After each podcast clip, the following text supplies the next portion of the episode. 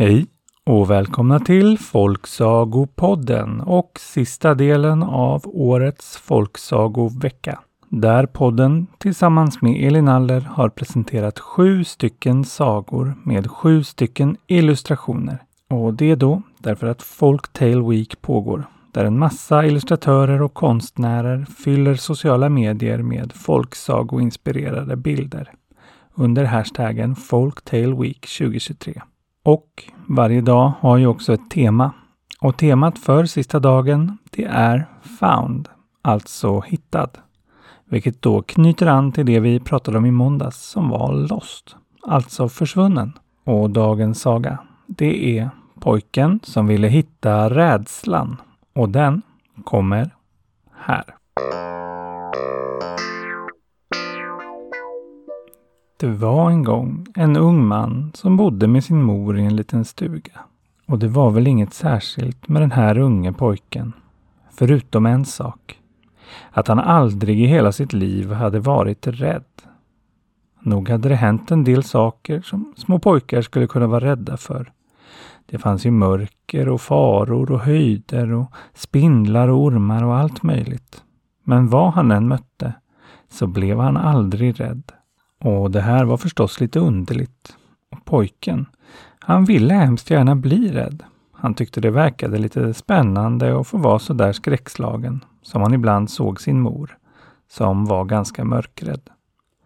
Och när han var gammal nog så bestämde han sig för att ge sig ut på jakt efter rädsla. Kanske kunde han hitta det någonstans. Så han packade lite mat, sa farväl till sin mor och gav sig av. Han reste en hel dag utan att träffa på någonting som skrämde honom. Och framåt kvällen, när han skulle söka sig någonstans att sova, gav han sig upp i bergen. Och snart blev han både trött och kall och önskade att han hade något att tända eld med. När han i mörkret fick se att det glödde lite längre bort, så han begav sig ditåt. Han kom fram till en liten grotta och i grottan där satt det ett helt rövarband fullt med livsfarliga banditer, där den ena såg värre ut än den andra. Och runt omkring sig hade de fullt med svärd och knivar spridda om sig. Och om du eller jag hade kommit ens i närheten hade vi snabbt som ögat vänt på klacken och sprungit därifrån. Men pojken var ju inte rädd för någonting. Så han gick glatt fram till elden och sa Hej, jag skulle vilja värma mig här lite. Och ni kan ju tänka er att rövarbandet blev ordentligt förvånade. Ja, de var ju nämligen vana vid att folk blev just rädda när de kom nära. Och inte att någon kom fram till dem alldeles frivilligt. Och speciellt inte en ung pojke. Vad är du för en och vad vill du? Frågade en av rövarna som hade ett stort ärr i ansiktet och som höll i en stor jaktkniv som han just höll på att rista in en dödskalle i en träbit med. Ja, jag är ute och letar efter rädsla förstår ni. Och jag undrar om jag kunde få värma mig lite här. Ja, så rädsla, sa en annan av rövarna. Då har du kommit till rätt ställe. Rädsla, den följer alltid med oss. Överallt där vi går blir folk livrädda, sa en annan rövare som såg ut som en riktig tuffing. Ja, men då så. Visa mig vart den är någonstans då, sa den unge pojken och började se sig omkring.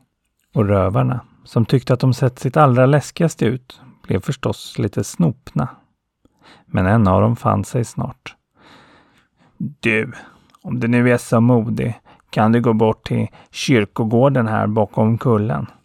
Så kan du väl eh, laga till någonting gott som vi kan käka. Men passa dig, för det spökar nog djävulskt där. Jaha, ja okej då, sa den unge mannen tog med sig en kastrull och begav sig iväg. Och snart hittade han kyrkogården. Och om du eller jag hade kommit dit då hade vi nog skakats, våra knän ramlat av.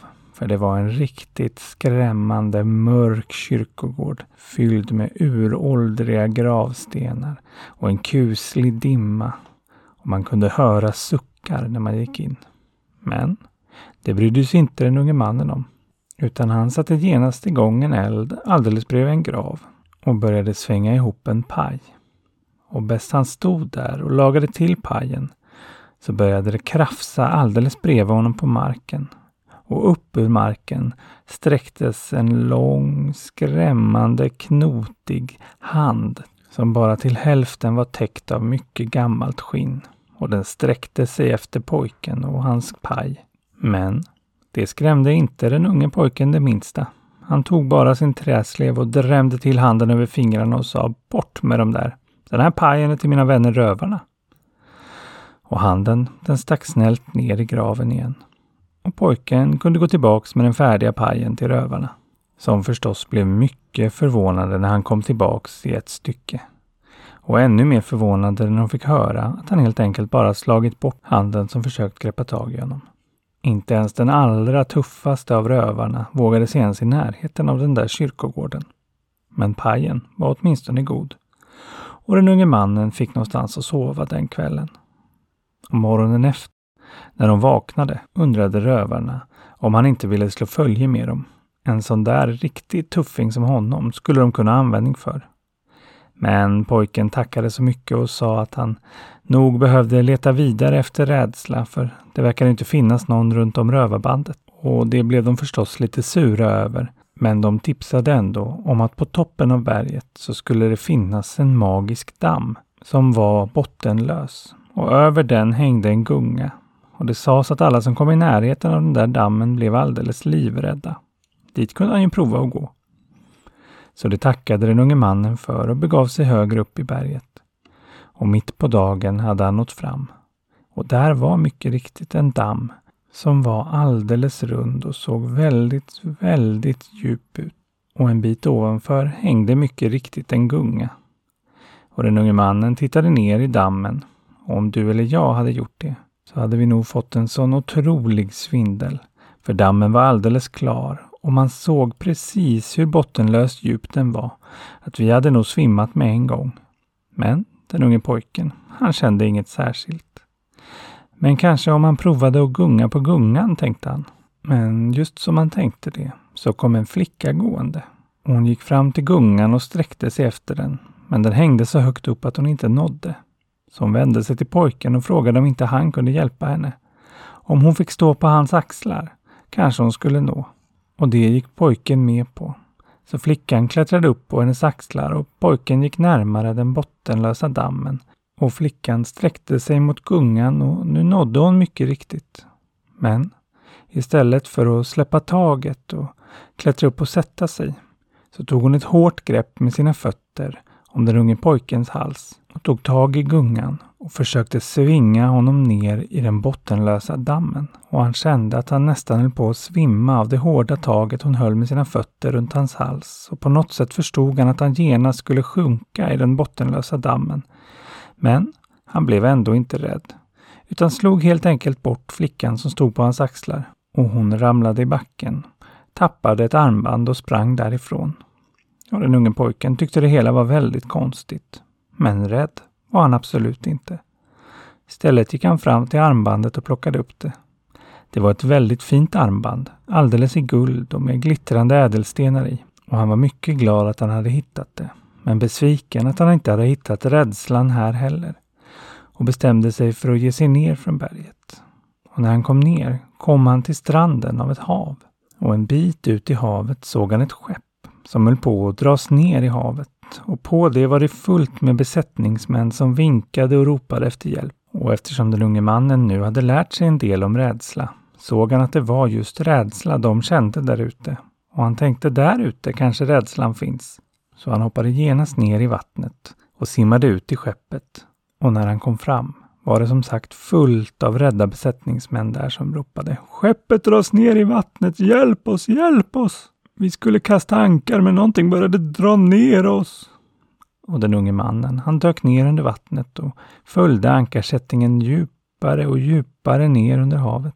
Tills han till slut kom fram till botten där en fruktansvärd sjöhäxa höll på att hala in ankarsättningen bit för bit. Ja, och om du eller jag hade befunnit oss på havets botten där en hemsk sjöhäxa höll på att sänka en hel båt, ja, då hade vi väl kissat ner oss av rädsla.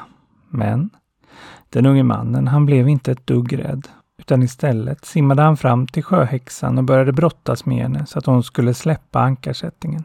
Och när han väl lyckats få henne att göra det fick han tag i lite sjögräs som han band ihop henne med och lämnade henne där på havsbotten så hon inte skulle kunna ställa till med något mer. Och sen simmade han upp igen. Och ni kan ju tänka er så glada och tacksamma alla på skeppet var för att de blivit räddade. Och de frågade förstås om han ville ha lift någonstans. Men den unge mannen tyckte inte att rädslan verkade finnas på den där båten heller. Så han begav sig återigen upp på land för att söka vidare. Och han var lite besviken på sin resa så här långt. Det enda han hade hittat var ju armbandet, som visserligen var väldigt fint och glänste fint i solen när han gick. Men någon rädsla hade han ju inte stött på. Men just det där glänsande armbandet lockade till sig ett hiskeligt troll som bodde alldeles i närheten. Som, precis som alla troll, var helt tokig i guld. Och när han såg det där armbandet glänsa sådär visste han att han genast ville ha det. Så han sprang fram skrikandes och gormandes mot pojken för att få honom att släppa armbandet. Och hade du eller jag mött en skrikande och gormande hiskelig trollgubbe, ja, då hade vi nog släppt allt vi hade och sprungit därifrån. Men, men, den unge pojken, han stod lugnt kvar och frågade trollgubben vad han skrek om. Och det gjorde förstås trollgubben väldigt fundersam. Så här brukade de inte reagera. Och han förstod att han var tvungen att använda ett annat sätt för att få tag i det där armbandet. Armbandet, det är mitt, sa trollet då. Nej, sa den unge pojken, det är mitt. Jag har hittat det. Du har stulit det, sa trollet. Det har jag visst inte, sa pojken. Och så höll de på så där fram och tillbaks lite grann. Tills de till slut bestämde sig för att gå till domaren med det hela. Och domaren lyssnade tålmodigt på båda. Och sen tog han armbandet och undersökte det noggrant. Och så kom hans dom. Det där armbandet, det är ett tvillingarmband. Det finns ett likadant till någonstans. Den som kan visa upp det likadana armbandet, den är förstås den rättmätiga ägaren och får behålla det. Så nu måste den unge pojken alltså inte bara hitta rädslan, utan också ett likadant armband till. Han tyckte det hela lät lite jobbigt och bestämde sig för att hitta en skön plats att vila på och kanske tänka igenom det hela lite innan han letade vidare efter rädslan och det andra armbandet. Och när han promenerat en bit hittade han en vacker trädgård som det rann en porlande liten bäck igenom. Och eftersom han var trött och det var varmt så bestämde han sig för att lägga sig där alldeles bredvid bäcken vid några låga buskar och ta sig en lur. Ja, det var en nästan magisk plats. Och bäst han låg där och försökte somna hörde han plötsligt röster. Det var tre kvinnoröster som faktiskt lät lite magiska de också, som hade samlats där i parken, men som inte verkade se den unge pojken där han låg bakom buskarna. Åh, kära systrar, så fint att vi kan träffas så här, sa en av rösterna. Nu måste vi skåla, sa en annan av rösterna. Men vad ska vi skåla för? sa en tredje. Jag vill i alla fall skåla för en förtjusande ung man jag mötte på kyrkogården när jag var där för att skrämma ynglingar. Ni förstår, jag sträckte upp handen ur graven precis som jag brukar för att skrämma honom. Men han blev inte rädd alls, han bara smällde mig på fingrarna. Det var mycket upplyftande, sa den första rösten. Ja, då vill jag skåla för en annan yngling jag mötte uppe vid den djupa dammen, ni vet. Åh, jag skulle strypa honom och slänga i honom som jag brukar göra, men han, han blev inte det minsta rädd. Han slog tillbaka. Så passade att tappa armbandet. Honom skålar vi för, sa den andra. Ja, då vill jag skåla för den unge mannen jag mötte när jag sänkte skepp inne i bukten alldeles idag. Jag halade in ankarkättingar som vanligt, men då kom det ner en yngling simmande. Han var inte alls rädd för mig fast jag var i min mest skrämmande sjöhäxeform. Han brottade ner mig och band mig. Ja, det var en hel upplevelse. Honom skålar vi för. Skål! sa de alla tre. Och eftersom den unge mannen förstod att det var honom de pratade om, så reste han sig och avslöjade att han var där. Och där i parken fick han se tre mycket vackra och helt uppenbart magiska kvinnor. En med en silverbägare, en med en guldbägare och den tredje med en kristallbägare. Och de alla blev mycket förvånade över att se honom, men också mycket glada. Speciellt när de förstod att han talade sanning. och de ville genast belöna honom eftersom han var en så förtjusande ung man, tyckte de alla tre. Och han visste ju genast vad han skulle be om. Ett till armband, som det han hade fått från hon uppe vid dammen. Och det lämnade de glatt ifrån sig. Men då ångrade han sig och frågade om de inte istället kunde visa honom vad rädsla var. Men då fnissade de bara och sa Vi ser storartade saker i din framtid, lille raring. Och rädsla, det finns nog där också. Och med det så gav sig den unge mannen tillbaka till domaren och kunde visa upp det andra armbandet. På så vis så fick han ju båda. Och trollet, det blev utan. Men armbandet var inte det enda den unge mannen fick. Domaren berättade nämligen att kungen i staden precis hade gått bort och att det skulle väljas en ny kung precis denna eftermiddag.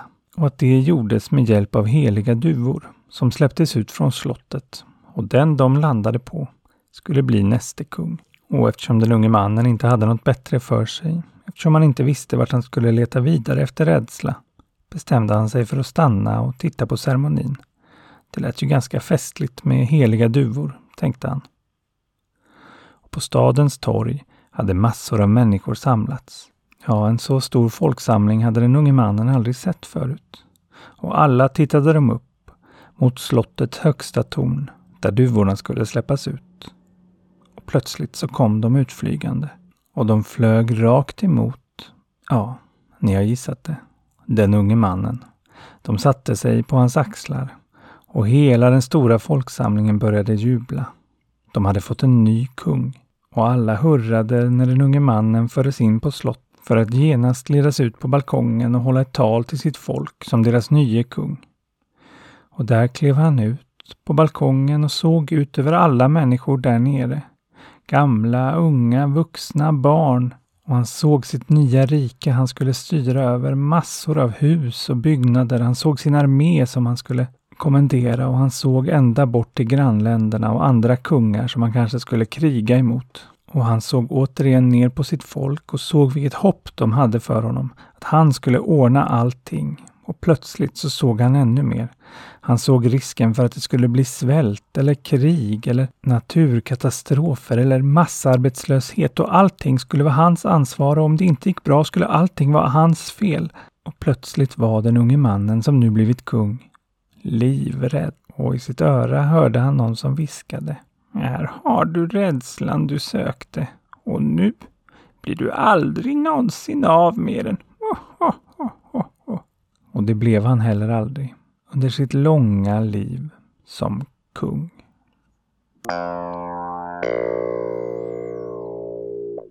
Ja, det finns väl inget läskigare än ansvar, så säg. Och styra ett helt land, det verkar väldigt jobbigt. Men han fann ju åtminstone vad han sökte. Hoppas han var nöjd med det. Jag är i alla fall väldigt nöjd med den här veckan. Folksagoveckan. Vilka sagor, vilka teman och vilka illustrationer. Mitt djupaste, allra största tack till dig Elin som ville göra det här tillsammans med mig. Och tack till alla andra som har ritat och delat under hashtaggen Folktale Week 2023. Och såklart tack till alla er som har lyssnat under veckan. Och med det så tar Folksagopodden en liten paus. Ja, det kommer alltså inget nytt avsnitt imorgon. Och inte nästa måndag heller. Men den fredagen, alltså om en vecka, då är det ju första december. Och då tycker jag man ska hålla utkik i sociala medier eller i sin lokala poddspelare. Vi hörs väl då. Och fram tills dess, lev lyckliga i alla era dagar.